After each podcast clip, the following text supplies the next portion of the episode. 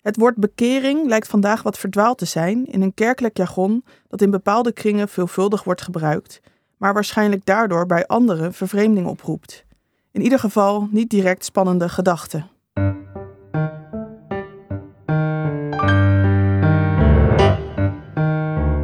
De Theologie-podcast gaat over wat vandaag speelt in kerk en in theologie. De Theologie-podcast wil delen, inspireren en verdiepen. Dr. Willem Dekker is emeritus predikant van de Protestantse Kerk in Nederland. Hij doceerde aan de CAE en publiceerde verschillende boeken over christen zijn in een postchristelijke context, waaronder Marginaal en Missionair, Kleine Theologie voor een krimpende kerk.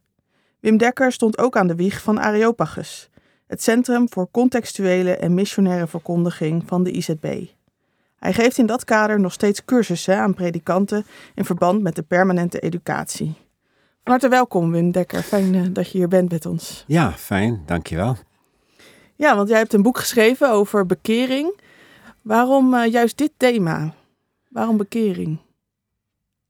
Ja, um, er zijn verschillende aanv aanvliegroutes, denk ik, geweest. Uh, ook wel vanuit mijn vorige boeken en met name het boek over Bonhoeffer, navolging.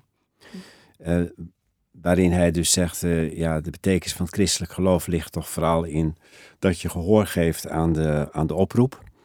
En ge, uh, alleen de gelovige is gehoorzaam en alleen de gehoorzame gelooft, die stelling van Bonhoeffer. Uh, maar goed, dat is een, een theologische discussie dan, die Bonhoeffer ook voert met de traditie. Maar waar tegelijkertijd voor mij de relevantie ook heel sterk in zat van... Uh, wanneer het geloof voor heel veel mensen in deze tijd zo bleek uh, lijkt geworden te zijn, wat zou je ermee moeten, wat zou het toevoegen aan mijn leven, uh, dan, dan prikkelt me dat heel erg. Dan denk ik, ja, maar het gaat echt over alles. Het gaat over je hele leven. Het gaat over wie jij bent als mens. En het maakt nogal wat verschil of je je laat roepen uit jouw eigen cirkeltje vandaan waarin je leeft, of dat je uh, eigenlijk vooral met navelstaren bezig bent. En als mensen zeggen, ja, God, Jezus, ja, zal wel, ik, ik heb niet zo'n idee wie dat is of zo.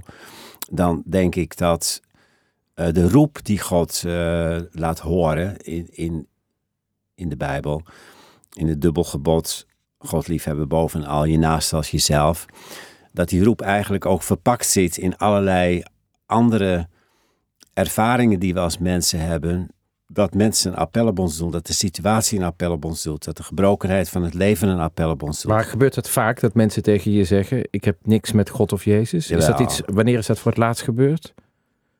Uh, heb je een voorbeeld? Ja, nou, geregeld. Uh, ik bedoel, ja, ik ben heel lang predikant geweest. Ik heb toen me al gericht op uh, de rand van de kerk en mensen die uh, heel sceptisch erin stonden, heb ik eigenlijk altijd een beetje mijn werk van gemaakt. Dus. Maar wat zeg je dan? Iemand zegt, stel ik zou zeggen, ik heb niks met God of Jezus. Wat is dan je eerste antwoord? Nou, heb je wat met, uh, hoe sta je in het leven? Hoe sta je in het leven? Wat denk je dat de betekenis van het leven is? Uh, en waarom denk je dat we ons druk druk moeten maken over hoe het met andere mensen gaat of de nood van de wereld? Of kunnen we net zo goed voor onszelf leven? En dan kom je vaak wel op een, op een, op een inhoudelijk gesprek natuurlijk van dat mensen zeggen, ja, alleen maar voor jezelf leven. Maar, uh, maar het feit dat wij, ik, ja, ik probeer altijd een gesprek te krijgen over dat we uh, misschien diep in ons geweten toch iets hebben van dat we verantwoordelijke mensen zijn. Uh, dus eigenlijk, en ja, bij mij zit daaronder dat, uh, dat ik denk dat we, dat, dat we ten diepste ook zo zijn als mensen die uh, geschapen zijn om te horen en een antwoord te geven. Maar dat kun je dus ja, vanuit de Bijbel, vanuit je geloof, kun je dat heel sterk zo hebben van God is de stem van de roepende. Hij stelt mensen als verantwoordelijke wezens in deze wereld. Uh, maar als mensen daar met die, ja, met die Bijbel of die openbaring, uh, waar jij dan in gelooft, niet zoveel hebben, dan denk ik dat het, het leven zelf genoeg aanknopingspunten biedt om te zeggen: ja, maar we zien allemaal dat het goede leven er niet komt als je allemaal voor jezelf leeft. Dus de stem van de ander, nou, ik moet denken aan Levinas die dat Ja. ook benadrukt. Ja, Dat is dan ook de stem van God. Dat is die oproep tot bekering. ja dat denk ja, dat, dat, eh, zo, zo zie ik dat natuurlijk. Ehm, dat, je, dat je in de Bijbel te maken hebt met de verhalen over God, die van begin af aan de mensen verantwoordelijk stelt. De eerste twee vragen van de Bijbel. Eh, mens, waar ben jij en waar is je broeder? Dat is, dat is voor mij een patroon wat door heel de Bijbel heen loopt. En ook in, die, in dat dubbelgebod van eh, je naaste liefhebben als jezelf, God bovenal, komt dat ook weer terug. En ook in het onderwijs van Jezus. En zoals Jezus dus inzit. En dan kom je bij dat woord bekering. Want, ehm, nou ja, dat intrigeert dan ook dat je denkt, ik ben daarmee opgevoed. Ik ben sterk eh, in een pietistische traditie opgevoed waarin bekering, de verandering van je hart en leven een hele grote rol speelde. Hoe zag dat eruit dan? In, in je jeugd, hoe speelde dat een rol? Nou, Werd dat vaak gezegd? Of, ja, of- bijvoorbeeld dat je, nou, dat je ook wel als kind al leerde bidden om een nieuw hartje. Eh, dat, En- dat, ik denk dat dat, ja, je weet dat nooit zo precies meer natuurlijk van jezelf hoe het allemaal gewerkt heeft. Maar ik denk, ja, ik denk als je als kind leert bidden om een nieuw hartje, wat je daar ook bij voorstelt, dat er wel heel in diepere lagen van je ziel iets komt van, ja, als je maar zomaar doet wat je denkt dat goed is, dat klopt niet. Er, moet- altijd iets met jou veranderen, gebeuren. Je moet, eh, je moet eh, gericht zijn op, op, op de wil van God. En, en, maar misschien ook, ook heel sterk dat er eh, mensen in je omgeving eh, waren. Dat, dat gold ook zeker wel van mijn ouders, maar een hele belevingswereld daaromheen van andere mensen ook. Voor wie ik merkte van, of van wie ik merkte dat eh, ja, het doen van de wil van God en eh, het verlangen om naar zijn wil te leven, dat dat een hele grote rol speelde. En ook dat mensen te veel over hadden dat het niet zomaar vanzelf gaat. Dus dan heb je bekering nodig. En hoe gaat dat dan? En, nou goed, en dan krijg je het hele verhaal van de pietistische traditie, waarin je ook kunt verdwalen, vind ik. Dus, kijk, eh, dus, en ik ben dus opgevoed in die gereformeerde pietistische traditie. En uiteindelijk dacht ik, ja, eh, daar is ongelooflijk veel in details dan gesproken over bekering en de verandering van het hart. En hoe gaat dat dan? En hoe diep zit de zonde en hoe moeilijk is het eh, om te veranderen en het werk van de Heilige Geest. Maar dat is een heel, op een gegeven moment eh, vond ik van dat is wel een heel eigen leven gaan leiden. Zo eh, dat het een hele interne dynamiek ook krijgt. Verdwaalde je wat- erin? Ja, nou ja, dus de interne dynamiek eh, van hoe gaat dat dan en hoe is dat dan en hoe diep gaat het dan en wat voel je er allemaal bij. Dat het te veel ook op het ik of op de nou eigen ja, persoon dat je uiteindelijk, ja, dat, dat- maar goed, dat, dat is dan een proces wat je, wat je bij jezelf natuurlijk ook, ook doormaakt. En waardoor de confrontatie met de wereld en hele andere mensen doorgaat. Dat je denkt, eh, daarmee ben je een beetje onverstaanbaar geworden voor andere mensen die dat taalveld niet kennen. En tegelijkertijd, ehm, alle goede bedoelingen ten spijt, misschien ben je veel meer met jezelf bezig dan het hele verhaal juist beoogt. Het verhaal beoogt dat je Het verhaal van de bekering. ja, dat, dat je gericht raakt op God en de ander en de wereld en, en de dingen tot je toelaat eh, als een appel van God. En dat je daar voortdurend eh, ja, daar je energie in steekt. Dus de, de navolging van Christus, de gehoorzaamheid, of hoe je dat allemaal zeggen wil. Maar je bent zo bezig met hoe ver ben ik al, of ben ik er al, of, of kom ik er helemaal niet, of, of eh, dat, dat het verhaal uiteindelijk meer over jezelf kan gaan. Nou ja, dat besefte ik natuurlijk vroeger niet zo. En is dat wat je dan bedoelt met navelstaren? Ja, dat, dat eh, soort geestelijk navelstaren. En ook dat ehm, ehm, ja, de opdracht in deze wereld en ook het alert zijn op waar liggen nu de uitdagingen. Wat moet er nu veranderen in verband met de tijd waarin we nu leven. Dat dat ook op de achtergrond kan raken, omdat je zo op die belevingen van het hart gericht bent. En dat is dus ook een van de dingen die dus als een draad wel door dit boek heen lopen. Met name in het eerste deel van het boek, waar ik ook in gesprek ben met de traditie. Ehm, dat. ehm, Je legt het uit hoe, je zegt in gesprek met de traditie, maar je geeft een heel mooi historisch beeld van eh, het begrip bekering in het Oude Testament en het Nieuwe ja, Testament. dus de Bijbelse lijn. En dan, goed, de Bijbelse lijn is natuurlijk één ding. eh, maar hoe is die geïnterpreteerd in de gereformeerde traditie vanaf Calvijn Ja. en in die pietistische traditie? Kun je ons daar kort in meenemen? Mm, Hoe, hoe heeft dat begrip bekering een, een, ja, een reis gemaakt eigenlijk door Ja. de geschiedenis? Nou ja, daar kunnen we nog even bezig zijn. Maar eh, kijk, het eikpunt in de gereformeerde traditie is natuurlijk altijd Calvijn. En eh, ja, Calvijn, is- eh, dat, dat, is, dat is heel mooi. Dat is natuurlijk ook een heel groot iemand geweest. Dat merk je altijd weer als je dit te lezen. Dat, die vang je niet eventjes zomaar op een woord.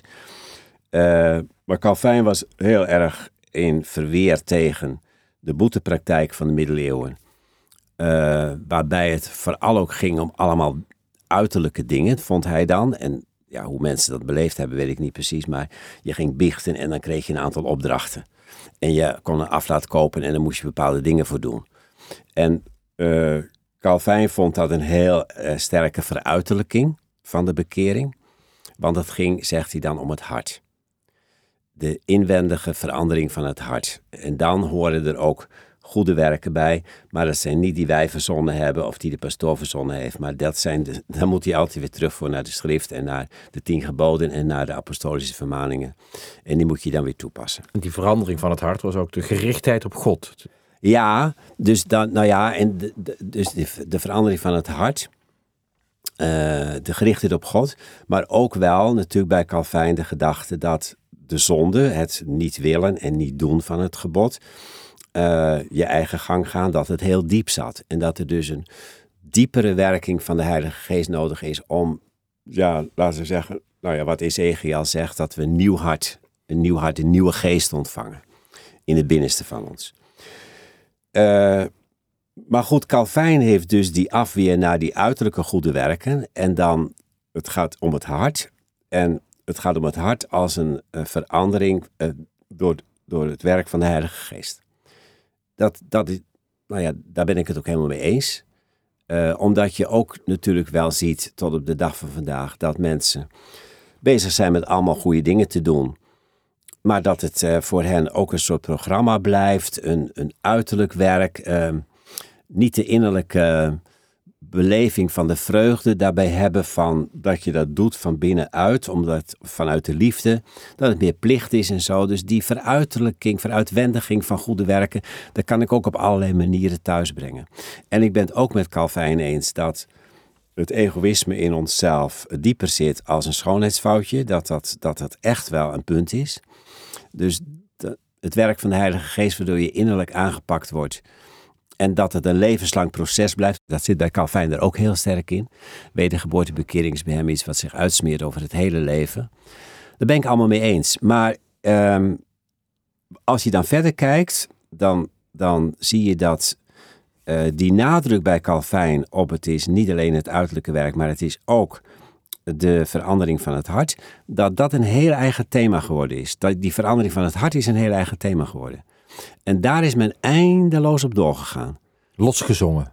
I- nou ja, losgezongen zou. Dat is, dat is niet helemaal eerlijk, denk ik ook. Want ook in de nadere reformatie, de, het vervolg na Calvijn, hoe men er dieper op ingegaan is, had je ook weer juist een beweging die zei: het gaat om het hele leven, de, de toewijding van God aan het, van het hele leven. Eh, maar tegelijkertijd was er dus die beweging die, heel, die, die steeds verder ging over wat gebeurt er nu allemaal als je echt bekeerd wordt en ben je echt bekeerd. En, nou, ehm, en toen denk ik zelf, eh, ook vanuit andere analyses van de cultuur kun je dat natuurlijk wel zien, dat er zeg maar, sinds de tijd van de verlichting ook heel wat gebeurd is, ook met die gereformeerde traditie. Dat toen het gewone leven en, ehm, en, en de religieuze beleving meer uit elkaar gegaan zijn. Dus wat je zeg maar, vanaf Kant en zo hebt, dat natuurlijk religie toch iets meer wordt van het innerlijk en van het privé. En de rest van het leven raak geseculariseerder. Dat dat een hele ehm, versterking geweest is van wat er al lag. hart, gevoel, beleving en nou ja, dan, dan moet er nog een vervolg komen in het dagelijks leven. Dat lag al een beetje uit elkaar vanuit die traditie, de religieuze traditie. En het is heel erg, denk ik, aangezwengeld verder door de verandering van de tijd, de secularisatie. En, en, en, dat, nou ja, en, en concreet betekent dat dus, dat heeft ook met jouw introzin te maken over bekering verdwaald in een kerkelijk jargon en zo. En anderen kunnen ze niet even voorstellen. Dat betekent concreet dat, ehm, dat, dat er dus over bekering nog heel veel gesproken wordt in de reformatorische kringen die hieruit voortkomen, uit die pietistische traditie. En dat het daar nog steeds een heel eigen leven leidt, maar dat je ook daar uh, tegenkomt dat, ja, dat men dan heel erg bezig is in de kerk met ben ik bekeerd, maar dat, dat men op de, op de maandag en de dinsdag dan weer min of meer een seculier leven leidt. Eh, zeker als het gaat om uh, economische dingen en maatschappelijke dingen. Ehm, niet zo oog voor waar liggen nu de valkuilen ook vandaag voor, uh, voor christenen. Heel makkelijk meegegaan in het consumentistische patroon, materialistische patroon. En het woord speelt geen rol meer in de samenleving in die zin dat je het niet bij het journaal hoort of het bij nee, uh, een nieuwsrubriek gaat het niet over de vraag bent u bekeerd of niet. nee, dus ik krijg echt twee werelden. En ik wil, maar dat is, uh, ik bedoel het niet als een beschuldiging aan een bepaald soort mensen natuurlijk. Ik bedoel het ook als een gezamenlijk probleem, want als we zeggen van daar hebben ze het er zo sterk over uh, dat het innerlijk allemaal op orde moet zijn, maar uh, het leven is verder ook geseculariseerd. Nou ja, dan is meteen de vraag aan mij natuurlijk in hoeverre mijn leven niet geseculariseerd is. En geseculariseerd bedoel ik daarmee van nou ja, hele grote gebieden van, van het leven, die dan meer losgezongen zijn van, van, van wat wil God op dit terrein van mij. En, uh, nou ja, vandaag... Eigenlijk zou dat moeten integreren, dat bekering iets is ja, wat je hele dat, leven dat, dat is, dat en niet is iets wat je op zondag in de kerk nee, doet. en dat is precies, en dat, dat is ook het Calvijnse uitgangspunt geweest. Dat was Calvijnse reformatie natuurlijk ook in Genève en zo. En, en het is de missie van je boek dus ook. En het is de missie van mijn boek. Toch, de call to action is breng het weer bij elkaar. Ja, ja. En, ik, en is dat dan gericht naar de eigen achterban, naar de de groep waar dat nog wel op zondag klinkt, of juist naar die andere kant waar het helemaal niet meer lijkt te klinken? Ja, in mijn boek heb ik dat allebei heel sterk geprobeerd. En dat geeft ook wel, denk ik, mijn eigen uh, biografie wat aan van. Ik, ben, ik kom uit deze kring voort en ik ben er altijd mee verbonden gebleven. En ik heb er altijd wat mee. Bij welke kring? Uh, van, de, van de reformatorisch-pietistische traditie. Uh, dus dat, dat zit in de Bond, dat zit in de reformatorische kerken, dat zit ook voor een deel in evangelische, uh, dus laten we zeggen mijn achtergrond van, van IZB en, en Areopagus nu en zo ook, dat is, je, je hebt altijd toch een bereik in de, in de kringen van de orthodoxie en pietisme. Maar ik heb me ook heel erg uit laten dagen door, nou, waar we het in het begin over hadden, de mensen die zeiden, ik heb niks met God. En dat laatste voel ik ook. En heb je zelf ook een periode in je leven niks met God gehad? Dat je meer afstand voelde of meer afstand nou, nam? meer afstand nam niet, meer afstand voelde wel. Uh, ik heb het altijd heel erg Wanneer was dat? Boeiend gevonden. Ik heb het nooit, ik heb, ik heb nooit niks, ik, ik heb nooit niets met u, geloof ik, zei eens iemand, maar dat is ook zo. Maar wel, nou, de tijd uh, in de tweede gemeente was, was nog heel jong ook, heel jong predikant geworden. Hoe oud ongeveer was je? Uh, 28, 30 zo. Dan was ik in tweede gemeente. En toen heb ik, uh, dat was een gemeente die ook heel, uh, heel geseculariseerd was. Een kleine kern van mensen die uh, gelovig zondags naar de kerk gingen. Maar daaromheen heel veel anderen. Maar omdat het een, een dorp was wat een beetje overzichtelijk was, kon je, kon je de mensen wel opzoeken. En uh, heb ik ook over gehad toen met de kerkraad van dat wil ik graag doen. Nou, dat was trouwens hier in deze omgeving van de vechtstreken. En dat is een, ja, is een heel boeiend gebied natuurlijk. Wonen allerlei hele interessante mensen. Maar die heel um, ja, op hun eigen manier in het geloof staan. Of helemaal niet. Maar vaak, omdat ik in de hervormde kerk was natuurlijk, ja, een brede rand. En toen ehm, was er ook net weer een een nieuw ledenregistratiesysteem gekomen. Waarbij allerlei mensen toch wel in die kaartenbakken bleken te zitten. Die me zich misschien al ooit wel eens uitgeschreven hadden. Dus je bezocht mensen? Maar ik bezocht werkelijk iedereen. En, uh, en, en ik luisteren. Maar ik, ja, veel luisteren natuurlijk. Wat maar de, nou ja, ik ben op laatst. Uh, vrienden van mij zeiden ook: stop daarmee. Je wordt er zelf hartstikke ongelovig van. Ja, dat is ook een poosje wel gebeurd. Ja, ik ben daar. Ik ben dus. Ik heb toen ontdekt van. Uh, ook in de studie vond ik het heel leuk om met Bonhoeffer en zo bezig te zijn. En, en de God is dood-theologie had je natuurlijk in de jaren zestig. Vond het allemaal interessant. Maar het raakte niet mijn ziel. En uh, toen ik uh, in, uh, in die gemeente dus op bezoek was en zo allemaal. Zelf rond de dertig intussen. Uh, ja, toen ging het wel mijn ziel raken. Ik dacht van, het is dus blijkbaar mogelijk. En dat kwam echt als een diepe waarheid bij me binnen. Was niet eerder zo geweest, denk ik. Van, het is dus blijkbaar mogelijk dat je zonder God, die aan het begin staat, die aan het einde staat, zonder hoop op een toekomst uh, voor de wereld of voor jezelf persoonlijk. Dat je een, een heel fatsoenlijk leven kunt leiden en dat je ook niet dan diep ongelukkig bent. Uh, helemaal niet. Mensen zoeken dan ook geluk op allerlei andere manieren, vinden dat vaak ook wel. Ja, sommigen niet, maar die zitten dan aan de rand van de samenleving en zo hebben pech gehad. Maar als jij in het midden en ietsje verder zit, dan kun je heel goed leven opbouwen. En ook nog wel een fatsoenlijk leven. Uh, ja, met die, kijk, dat wist ik natuurlijk al wel lang. Maar die karikaturen waarmee je dan in zo'n beschermde christelijke omgeving opgevoed wordt van... die mensen doen aan God nog gebod en zo. Die kloppen Ja, die kloppen daar, helemaal daar niet. Achter. Die daar kloppen totaal helemaal niet. En, maar wat leert dat dan over bekering, vraag ik me dan ook af. Dat zou zeggen, nou, mensen zonder bekering of zonder een bepaalde spirituele, religieuze ervaring... die lijken ook een prima leven te hebben lijken ook een prima leven te hebben, ja. Ja, dus, maar, uh, kijk, als je het dan hebt over uh, God, dus wat, kijk, in heel veel gevallen kon ik best wel een goed gesprek krijgen. Daar heb ik zelf natuurlijk ook een beetje in geleerd, van hoe, hoe werkt dat nu? Want uh, waar, waar ontmoeten we elkaar, hè? Ja, ik geloof, jij gelooft niet. Ja, nou ja, goed, dan ben je klaar. Uh, dat soort gesprekken heb ik ook veel gehad. En dat vind ik dan zo onbevredigend van, ja, weet je, je moet erin opgevoed zijn, zeggen mensen dan. Of, uh, ja, ik heb dat gevoel niet, joh, ik heb geen religieuze antenne. Uh, ik ben er helemaal niet voor in de wieg gelegd. Nou, oké, al dat soort dingen. Ik, ja, maar dat vind ik niet zo bevredigend. in de zin van, we zijn wel allemaal samen mensen. Er moet een gesprek mogelijk zijn over het leven, hoe je het leven leeft en dan kan ik inbrengen uh, wat het betekent dat ik de stem van God daarin gehoord heb. En in ieder geval, als ik hem soms niet hoor, want dat kan ook. Maar dat ik dan weer toch denk, ja maar ho, jij moet terug naar die schriften. En je vanuit die opening, die Bijbel en zo, daar moet jij naartoe. Want daar hoor jij die bemoedigende, maar ook corrigerende stem van God. Uh, nou, dat ik, ik moet, dat in, ik moet in het gesprek over het gewone leven...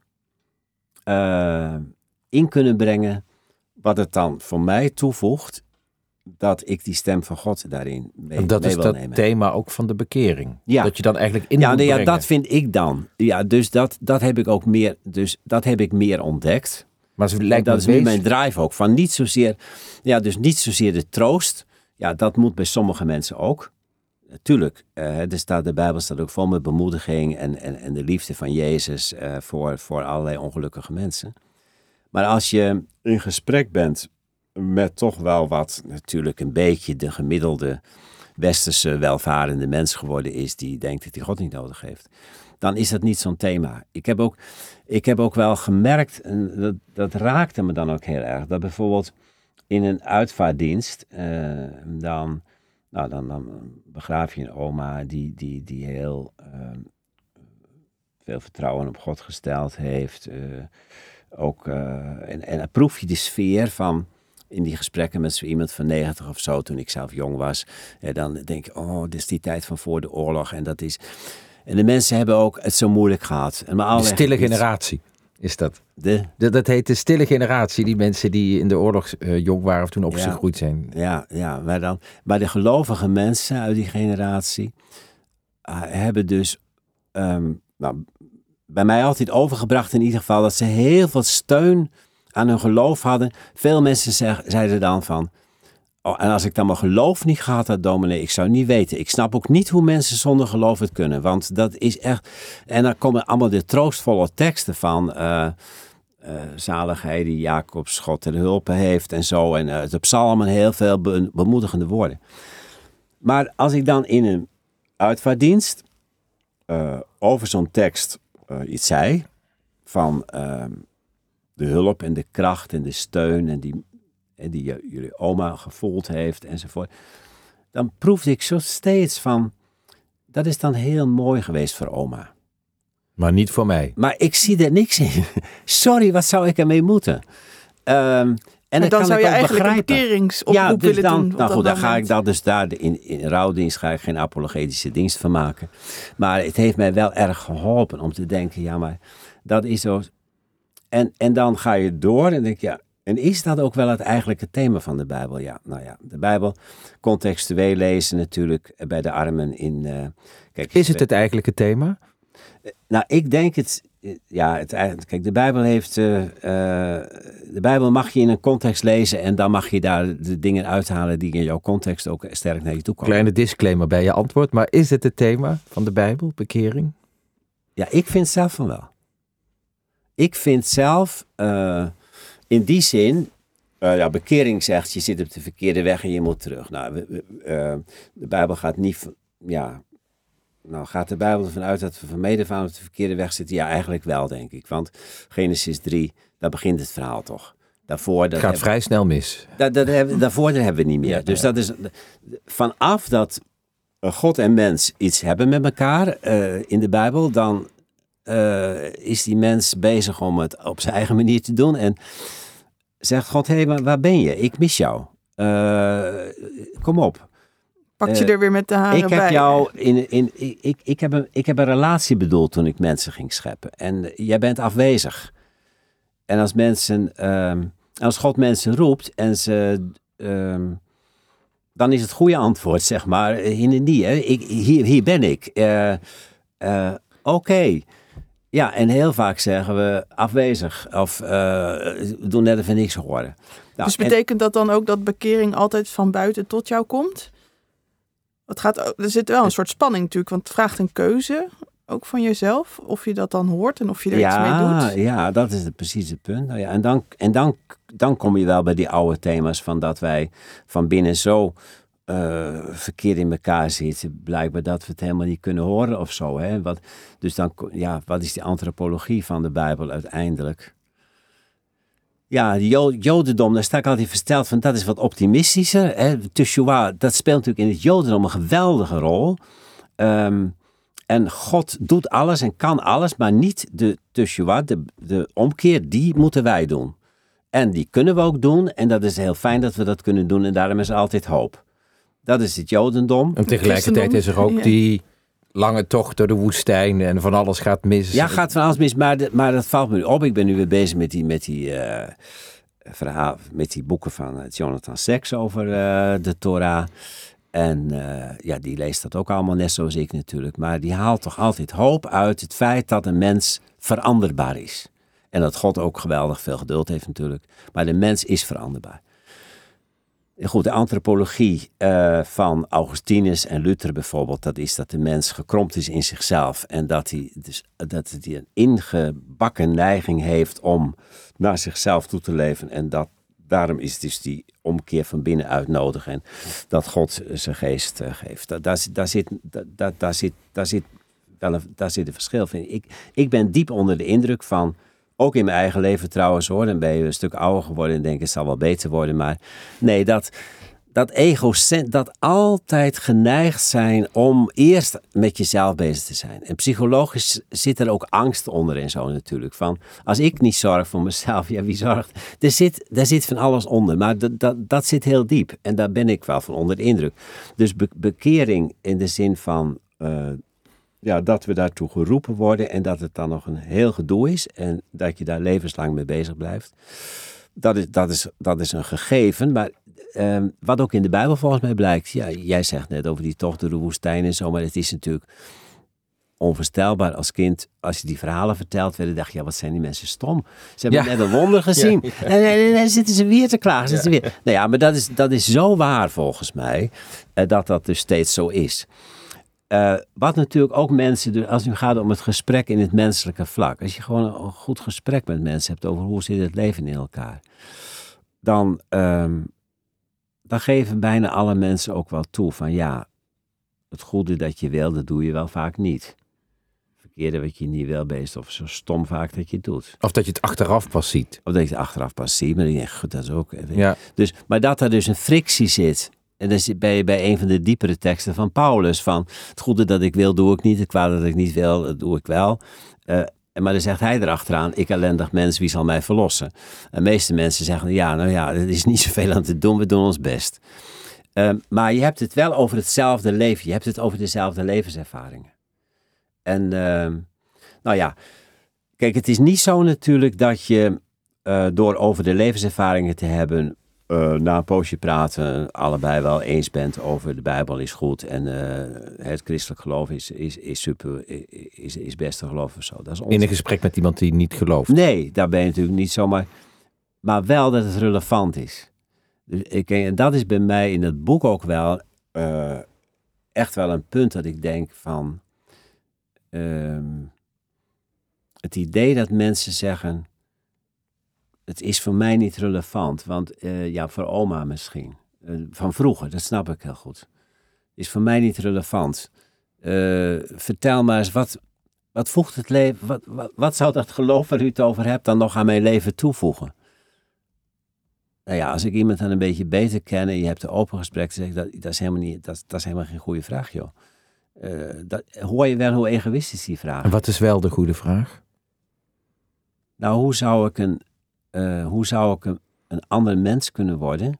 Uh, zou dat geloof, zou het geloof mij kunnen helpen om niet zo makkelijk te zeggen, ja, nou ja, zo is nu eenmaal het leven. Je wilt wel vaak goede dingen, je doet ze niet. je wilt het verkeerde niet, maar je doet het wel. Nou ja, oké, okay, daar moeten we mee dealen waar de wereld niet meer opschiet. Hè? Want, en dan,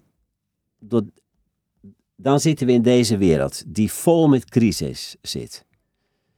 Uh, nou, in het boek noem je ook nog de klimaatcrisis. Ja, nou ja, een hele hoofdstuk is eraan gewerkt. Ja. Omdat ik, dat heb ik er ook uitgehaald. Als, als je nu zegt, wat zijn de thema's die uh, vragen om bekering vandaag, dan vind ik dat wel een, een hoofdthema ook. Maar uh, wie kan nu zeggen, het maakt allemaal niet zoveel uit. Ja, alleen iemand die totaal onverantwoordelijk uh, leeft. Maar als we onze verantwoordelijkheid beseffen uh, en ook zien hoe lastig het is dat je dan tot verandering komt, dan zou die Bijbel wel eens heel relevant kunnen zijn. Daar ben ik zelf, dus ben ik zelf ook het meest van overtuigd hoor. Want jij vroeg straks, dat heel goed van uh, hoe, hoe is dat met je eigen geloof gegaan? ben je het ook wel eens kwijt geweest? Ja, nou ja, niet kwijt geweest in de zin van ik heb altijd die Bijbel. Ik heb het ook zo geweldig voor en gevonden dat ik toch maar elke zondag moest, mocht, moest preken. Ook in tijden dat ik het allemaal niet zo voor mezelf zo geloofde.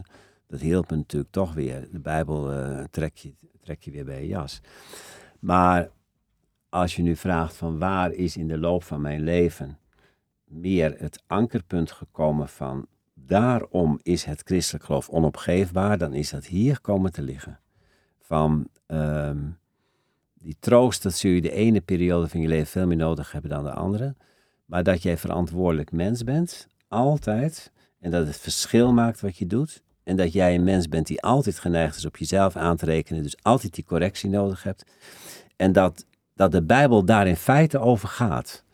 Ja, dat, uh, dat heeft mij denk ik toch het meest bij het, bij het geloof gehouden. Meer dan die troost en dat ja, lievige.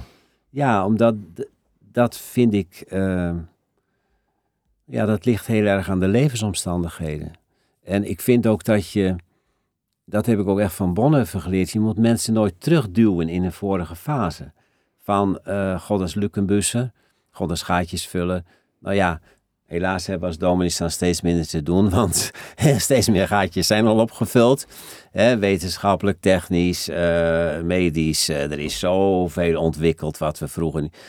Dank God daarvoor. Prachtig. Maar wat heb je nu met al die geweldige verworvenheden gedaan? En hoe is die wereld nu met die enorme toename van kennis en, en techniek uiteindelijk eruit komen te zien? En dan wil ik ook niet de totale onheilsprofeet zijn, maar dan. dan denk toch ik, vind het schrijnend. Ik vind het schrijnend. Er is nog werk aan de winkel. Ja, ja, ik vind het schrijnend. Eh, gewoon omdat ik, ik. Kijk, ik ben ook een, ook een kind van, eh, van de verlichtingen van de jaren na. Ik bedoel dat ik heb kunnen studeren en zoveel heb kunnen doen. Is allemaal te danken aan de vooruitgang eh, van de westerse wereld.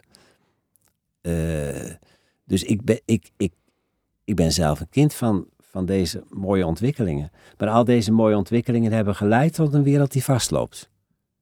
In, eh, in, in, hele grote crisis. En dat allemaal verder consumeren, eh, meer, meer, meer, en daar doodongelukkig van worden. Ja, dat, dat, dat, dat heb ik natuurlijk zelf ook in de loop van de jaren gezien hoe dat werkt en, en hoe slecht het eigenlijk is.